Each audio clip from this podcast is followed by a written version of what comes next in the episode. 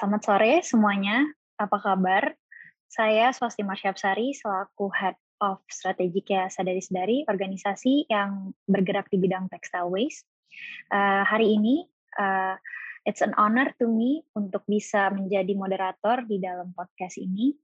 Uh, selamat sore, saya sapa narasumber kita Mbak Anggi. Halo Mbak Anggi. Halo, selamat sore Mbak Marsha. Iya, uh, terima kasih nih Mbak Anggi udah datang dan uh, bersedia untuk meluangkan waktunya di dalam podcast ini, uh, yang berjudul Ekonomi Sirkular untuk Pembangunan Rendah Karbon. Mungkin izinkan saya untuk uh, menanyakan nih uh, sedikit background tentang Mbak Anggi. Silahkan Mbak Anggi. Boleh Mbak Marsha, perkenalkan nama saya Anggi dari Direktorat Lingkungan Hidup Kementerian PPN Bapenas. Ya, uh, terima kasih Mbak Anggi. Uh, di dalam podcast ini mungkin nanti kita akan uh, menanyakan beberapa pertanyaan uh, ke Mbak Anggi seputar ekonomi sirkular. Isu uh, sirkular ekonomi ini uh, menjadi opportunity yang besar untuk uh, Indonesia dalam rangka mengurangi sampah juga uh, mensupport uh, lingkungan yang ada. Nah, tapi uh, di samping itu ada pertanyaan yang besar uh, mengenai kebijakan-kebijakan yang ada dalam rangka uh, pemulihan ekonomi khususnya di masa pandemi ini uh, yang di mana uh, ekonomi pertumbuhan dan itu bertolak belakang dengan uh, circular ekonomi. Maka dari itu menarik sekali uh, di podcast kali ini kita akan ber, uh, menanyakan seputar bagaimana sih uh, ekonomi dan bagaimana menerapkan circular ekonomi di Indonesia khususnya ke Mbak Anggi. Uh, mungkin lanjut aja kita langsung uh, berbincang-bincang nih sama Mbak Anggi ke uh, mengenai circular ekonomi. Oke. Okay. Iya Mbak Anggi, pertanyaan pertama nih, apa sih yang dimaksud dengan ekonomi sirkular dan kenapa ekonomi sirkular itu penting diterapkan di Indonesia? Oke, okay. Terima kasih Mbak Marsha. Kalau kita berbicara ekonomi sirkular, mungkin kita harus berbicara dulu untuk uh, ekonomi linearnya ya. Dan ini mungkin yang umumnya kita terapkan gitu uh, di dalam perekonomian, di mana uh, ekonomi linear ini sebenarnya adalah ambil kita ambil natural resource yang ada ataupun resource lainnya kemudian kita pakai dan akhirnya kita buang gitu. Jadi tidak ada aspek circularity atau mungkin kurang berkelanjutan. Nah, ketika kita berbicara ekonomi sirkular ini merupakan transisi dari tadi yang linear ekonomi sehingga di sini juga diperhatikan aspek-aspek terkait dengan berkelanjutan dan lebih berketahanan lagi. Jadi uh, ekonomi sirkular ini merupakan model yang berupaya untuk memperpanjang siklus hidup dari suatu produk, bahan baku, dan sumber daya yang ada sehingga dapat dipakai selama mungkin. Jadi dengan harapannya ini dengan ekonomi sirkular kita bisa mencapai lebih banyak dengan menggunakan lebih sedikit. Nah, hmm. tapi perlu ditekankan bahwa ekonomi sirkular ini lebih dari sekedar pengelolaan sampah gitu ya. Jadi ini mencakup keseluruhan proses produksi dimulai dari uh, proses produksi itu sendiri, pengambilan bahan baku dan natural resources misalnya, dari mulai distribusinya sampai nanti dia dikonsumsi oleh konsumen. Jadi memang dari hulu ke hilir uh, rantai pasok. Dan ketika berbicara dengan sirkular berbicara tentang sirkular ekonomi, ini juga uh, apa namanya? tidak hanya uh, benefit terkait dengan uh, lingkungannya saja, tapi juga ada benefit terkait dengan ekonominya. Baik, Lalu uh, lanjut ke pertanyaan selanjutnya nih, Mbak Anggi. Bagaimana sih Indonesia dapat menerapkan sistem ekonomi sirkular ke dalam kebijakan atau rencana pembangunannya, uh, khususnya di pembangunan rendah karbon? Dan apa saja sih faktor-faktor yang mendukung untuk menerapkan ekonomi sirkular ini? Ya, yang pertama uh, sebenarnya Mbak Marsha sirkular ekonomi ini telah diadopsi ya di dalam dokumen uh, rencana pembangunan jangka menengah nasional uh, 2020-2024 yang telah disahkan melalui Perpres 18 tahun 2020. Jadi di dalam RPJMN ini telah memuat narasi terkait dengan sirkular ekonomi, khususnya di uh, prioritas nasional pertama uh, tentang penguatan ketahanan ekonomi, pertumbuhan uh, yang berkualitas, dan di prioritas nasional ke-6 membangun lingkungan hidup, meningkatkan ketahanan bencana dan uh, perubahan iklim. Di mana memang um, apa namanya circular economy ini masuk mendukung uh, low carbon development atau pembangunan rendah karbon yang juga menjadi program prioritas. Di dalam uh, low carbon development ini memang ada tiga prioritas mungkin ya atau tiga kegiatan prioritas yang terkait dengan circular economy. Jadi ada terkait dengan uh, renewable energy atau uh, energi berkelanjutan di mana di dalamnya ada renewable energy, energi efisiensi. Kemudian yang kedua ada pengelolaan limbah, itu juga terkait dengan circular economy dan yang ketiga ada tentang industri hijau. Jadi tiga kegiatan prioritas ini mungkin related sekali ya dengan uh, circular economy dan itu telah menjadi bagian dari RPJMN. Kemudian uh, economy juga telah dimasukkan uh, gitu ya ke dalam narasi visi Indonesia 2045 di mana memang uh, itu merupakan visi Indonesia 100 tahun pasca kemerdekaan dan kita uh, menargetkan gitu ya terus mengembangkan kebijakan circular economy sebagai kebijakan ke depan dalam pembangunan kalau ditanya tantangan gitu ya dan uh, apa namanya apalagi yang diperlukan rasanya memang masuk ke dalam dokumen-dokumen perencanaan saja tuh tidak cukup ya. Jadi kita memang butuh uh, banyak uh, aspek gitu. Yang pertama mungkin terkait data. Kita juga perlu pendataan yang lebih banyak lagi terkait dengan data-data uh, sektor pembangunan sendiri, khususnya data industri, kemudian uh, data penggunaan sumber daya dan lain sebagainya sebagai basis uh, agar kita itu ketika me me mencanangkan atau menargetkan circular economy itu juga evidence based. Jadi ada data-data kuat yang memang kita punya dan kita miliki. Kemudian yang kedua, uh, kita juga perlu mengembangkan uh, itu mungkin action plan ya, sehingga uh, kita bisa lebih detail gitu ya untuk menargetkan target uh, per tahunnya seperti apa, peran kementerian lembaga seperti apa terkait dengan circular economy ini. Tentu kita juga membutuhkan uh, skema insentif dan disinsentif yang menarik untuk private sector mungkin dan UMKM sebagai pelaku uh, ekonomi itu sendiri. Karena ketika kita berbicara circular ekonomi, tentu pelaku ekonomi adalah UMKM dan private.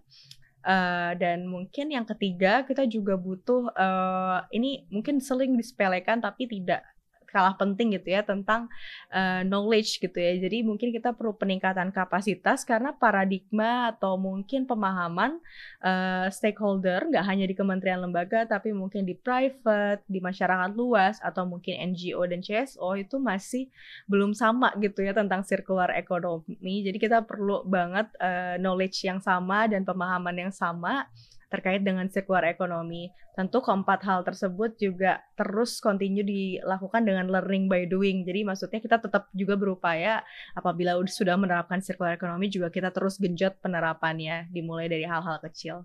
Mungkin itu Mbak Marsha. Baik, terima kasih Mbak Anggi. Betul bahwa data adalah uh, kunci untuk masa depan untuk membangun di masa depan juga yang terpenting yang terakhir itu edukasi edukasi kepada masyarakat kepada seluruh masyarakat yang di Indonesia, khususnya para pelaku dari uh, berbagai sektor untuk tahu apa sih itu circular economy. Oke, okay. uh, berdasarkan hasil kajian, sektor apa saja yang memiliki potensi manfaat terbesar di Indonesia bila diterapkan prinsip-prinsip dari circular economy tersebut. Terima kasih Mbak Marsha. Ini memang kita bulan Januari lalu, uh, tanggal 25 kita telah meluncing laporan kita gitu ya. Uh, ini laporan mungkin adalah milestone pertama terkait dengan ekonomi sirkular di Indonesia. Jadi memang hmm. kita pengen menganalisa dulu secara holistik sebenarnya bagaimana sih potensi penerapan sirkular ekonomi di Indonesia dari aspek ekonomi itu sendiri, sosial, dan juga lingkungan. Dan uh, ini mungkin kajian pertama yang secara komprehensif gitu ya melihat terkait dengan uh, aspek circularity di Indonesia. Nah, uh, pada kajian ini uh, disusun cukup lama setahun dari mulai 2020 dan kita uh, menerapkan ada kira-kira potensial lima sektor prioritas gitu ya. Lima sektor ini uh, dinilai dari yang pertama dari aspek ekonominya itu sendiri. Jadi memang lima sektor ini memiliki uh, kontribusi cukup besar ke GDP Indonesia sekitar 33% kalau nggak salah di tahun 2019 uh, hmm. dan apa namanya dari aspek circularity-nya sendiri. Jadi memang uh, di industri ini memang dimungkinkan untuk melakukan uh, penerapan ekonomi sirkular dan yang ketiga adalah aspek stakeholder-nya. Bagaimana kira-kira uh, tang apa namanya tanggapan atau mungkin respon dari stakeholder ter, uh, di bidang tersebut gitu ya ketika kita uh, ingin mengintroduce circular economy. Nah, dari kajian kita ini adalah lima sektor yang terpilih yang memang uh, menjadi priority. Yang pertama itu sektor makanan minuman, jadi food and beverage beverage. Uh, kemudian yang kedua ada uh, textile. Ini, ini mungkin Mbak Marsha juga related ya. Jadi textile juga uh, apa namanya menjadi priority. Kemudian yang ketiga ada construction. Yang keempat ada elektronik. Uh, yang kelima kita ada uh, wholesale dan retail. Tapi kita zoom in di plastiknya sendiri gitu ya. Karena memang plastik hmm. uh, digunakan cukup uh, banyak gitu ya di sektor wholesale dan retail. Oke. Okay. Wow, uh, dari lima sektor tersebut uh, saya lumayan related nih Mbak, karena saya salah satu uh, uh, NGO yang bergerak di bidang textile waste ya. Nah, uh, pertanyaan selanjutnya, seberapa besar sih dampak bagi lingkungan, sosial, dan ekonomi juga apa aja sih keuntungan yang didapat dari hasil penerapan uh, ekonomi sirkular ini? Iya, jadi memang uh, apa namanya kebetulan laporan lengkapnya juga bisa dicek ya uh, teman-teman nanti kalau kelewat gitu di websitenya LCDI jadi bisa diunduh laporan lengkap dan uh, kalau mungkin pusing bacanya bisa baca eksekutif summary-nya. Itu juga sudah bisa diunduh di website LCDI publicly access jadi uh, sebenarnya dari hasil kajian yang uh, apa namanya kita peroleh itu kita menggunakan dua metode ya. Uh, ada metode ICOR dan juga kita menggunakan approach system dynamic dan itu didapatkan uh, beberapa simpulan yang sebenarnya cukup menarik dan signifikan gitu ya terkait dengan ekonomi sirkular. Yang pertama dari lima sektor tersebut apabila kita menerapkan sirkular ekonomi itu diprediksi kita bisa mengurangi limbah 18 sampai 52 persen uh, di tahun sampai tahun 2030.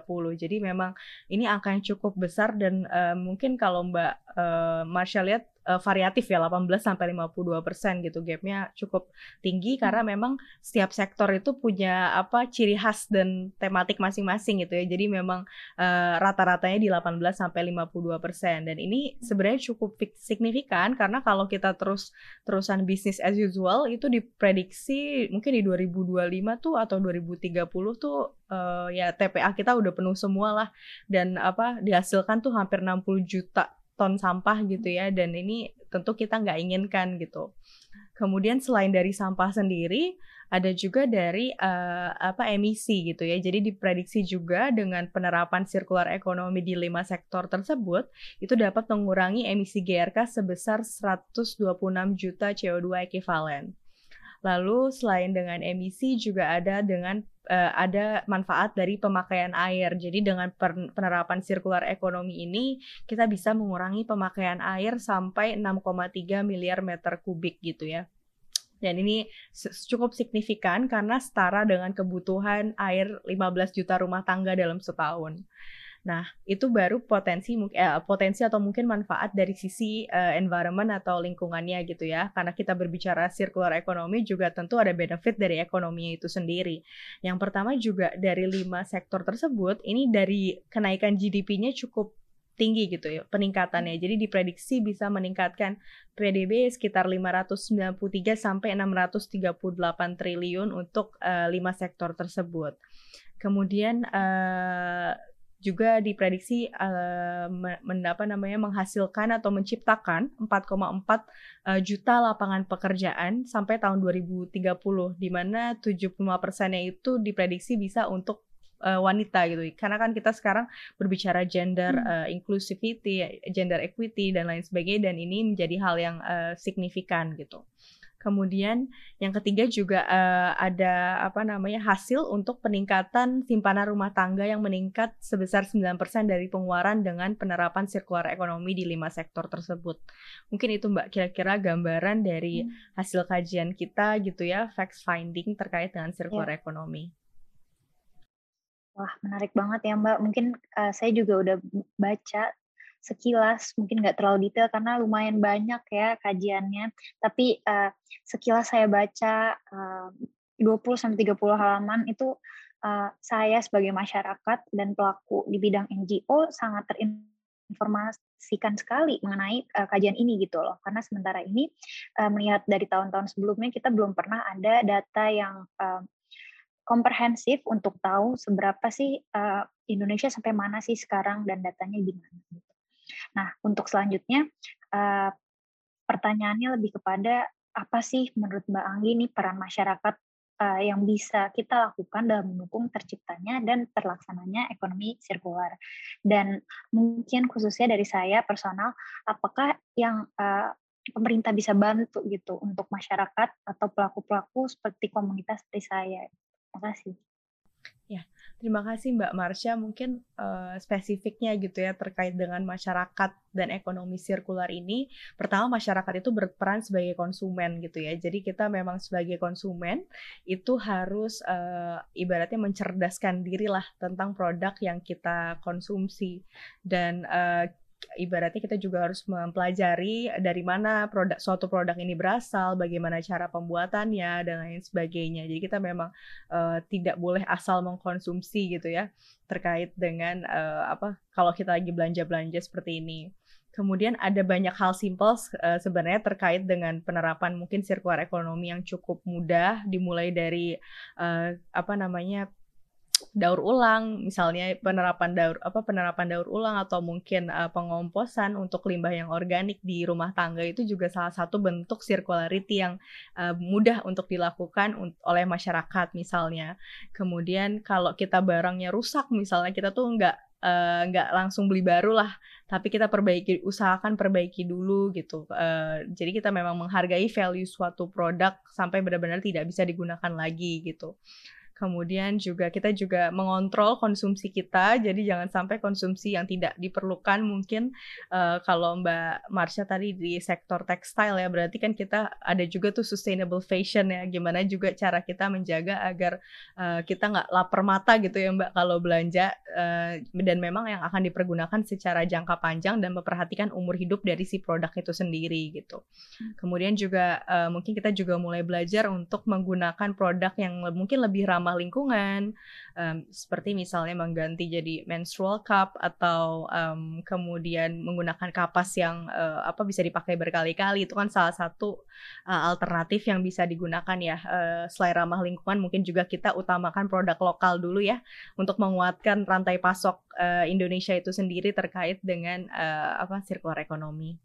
Uh, dan terkait dengan mungkin bagaimana caranya kita membantu teman-teman private khususnya terkait dengan sirkular ekonomi. Ini memang kita lagi bergerak ke arah sana uh, Mbak Marsha be, memang di, belum bisa dipungkiri bahwa uh, tadi masuk ke dokumen perencanaan aja itu tidak cukup ya kita harus merobaskan lagi atau memperkuat lagi kebijakan kita terkait dengan sirkular ekonomi khususnya juga terkait dengan uh, apa enabling condition ya penguatan pendataan terus uh, penguatan alternatif teknologi serta skema insentif disinsentif seperti apa yang kiranya menarik untuk teman-teman private terkait CE mungkin itu Mbak Marsha. Iya, terima kasih Mbak Anggi. Terima kasih juga remindernya untuk uh, teman-teman semua uh, agar kita selalu um, conscious sama apa yang kita gunakan dari uh, ethical consumerism maupun kita juga bisa uh, menerapkan tadi uh, yang Mbak Anggi bilang bahan-bahan uh, yang ramah lingkungan. Gitu. Nah, pertanyaan terakhir nih Mbak dari saya mengenai uh, apa saja sih tantangan di masa pandemi ini ya khususnya uh, dalam mengimplementasikan ekonomi sirkular di Indonesia. Oke. Okay. Uh, terima kasih Mbak. Mungkin sebenarnya sirkular ekonomi ini menjadi lebih relevan ya di saat pandemi karena ketika kita berbicara pandemi kan kita uh, untuk beradaptasi tuh kita sebenarnya ada efisiensi, ada digitalisasi, terus kita harus memperkuat rantai pasok uh, domestik kita gitu ya dan itu adalah value atau nilai yang memang terkandung di dalam uh, ekonomi itu sendiri. Jadi sebenarnya pandemi COVID ini sangat relevan gitu ya dengan circular economy. Nah, kalau ditanya tantangan, sebenarnya balik lagi ya ketika suatu negara atau mungkin kita uh, apa dapat disrupsi COVID gitu ya mengganggu stabilitas ekonomi, kadang kita itu tergiur untuk uh, merecovery atau memulihkan dengan um, apa namanya lebih cepat dan lebih banyak dalam waktu cepat gitu ya. Kadang aspek uh, mungkin circularity, aspek green itu kurang diperhatikan gitu. Jadi khawatirnya ini ada ibaratnya ada tantangan lah kita untuk mengintroduce lagi circular economy di kala sulit ini. Jadi kita juga berusaha memperkenalkan bahwa sebenarnya justru dengan CE kita bisa merecover ini dengan lebih tangguh lagi, lebih resilience dan lebih berkelanjutan gitu. Jadi harapannya tantangan ini kita kita kemas justru menjadi peluang karena memang implementasinya akan lebih mudah gitu ya dengan adanya COVID ini. Dan secara uh, peluang itu peluang itu sendiri memang uh, di COVID ini kan kita mengalami disrupsi dan kita harus memulihkan kembali dan bagaimana caranya kita dituntut untuk bisa memulihkan lebih berkelanjutan, memperhatikan uh, seluruh aspek tidak hanya dari aspek ekonomi dan mungkin sosial ya, tapi juga aspek lingkungannya karena nanti secara jangka panjang kalau kita nggak memperhatikan aspek lingkungan, tentu ini bisa menjadi bumerang gitu ya uh, buat kita dan generasi mendatang gitu. Jadi uh, peluangnya sendiri sebenarnya dengan COVID ini kita bisa lebih uh, adaptif lagi untuk menerapkan circular economy dan ini juga didukung dengan kebijakan-kebijakan yang akan pemerintah lakukan ke depannya untuk circular economy. Baik, terima kasih Mbak Anggi. Sekian ya pertanyaan dari saya, menarik banget. Mengenai topik ekonomi sirkular ini khususnya uh, bagi Indonesia dan diharapkan tidak hanya dari pemerintah yang bergerak tapi mungkin masyarakat juga bisa ikut membantu pemerintah berkolaborasi untuk menciptakan ekosistem yang uh, mensupport ekonomi sirkular. Mungkin kita sudahi podcast kali ini. Terima kasih Sekretariat LCDI yang sudah mengundang Mbak Anggi dan saya sebagai moderator. Eh, sampai jumpa kembali di podcast-podcast selanjutnya. Terima kasih. Terima kasih Mbak Marsha.